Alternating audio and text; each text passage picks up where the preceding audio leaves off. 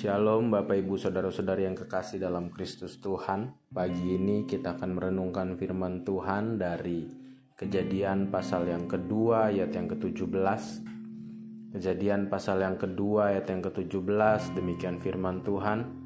Tetapi pohon pengetahuan tentang yang baik dan yang jahat itu Janganlah kau makan buahnya Sebab pada hari engkau memakannya pastilah engkau mati Mungkin beberapa dari kita pernah melihat atau menemui beberapa papan iklan atau reklame yang mengiklankan sesuatu, tetapi dengan kalimat yang sedikit terlihat lebih kontra.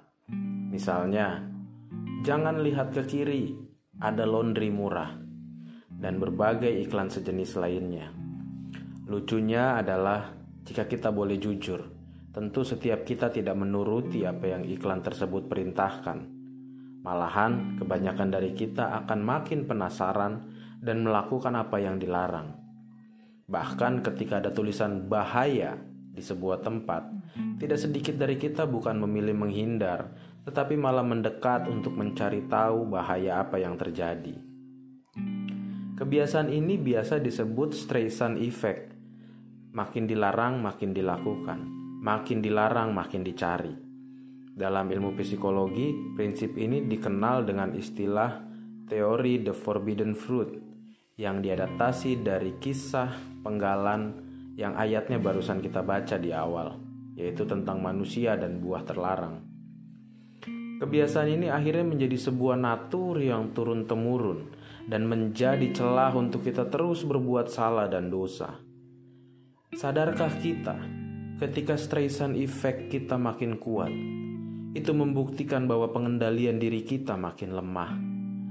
Alih-alih mampu menguasai diri, justru kita dikuasai oleh keinginan-keinginan kita sendiri.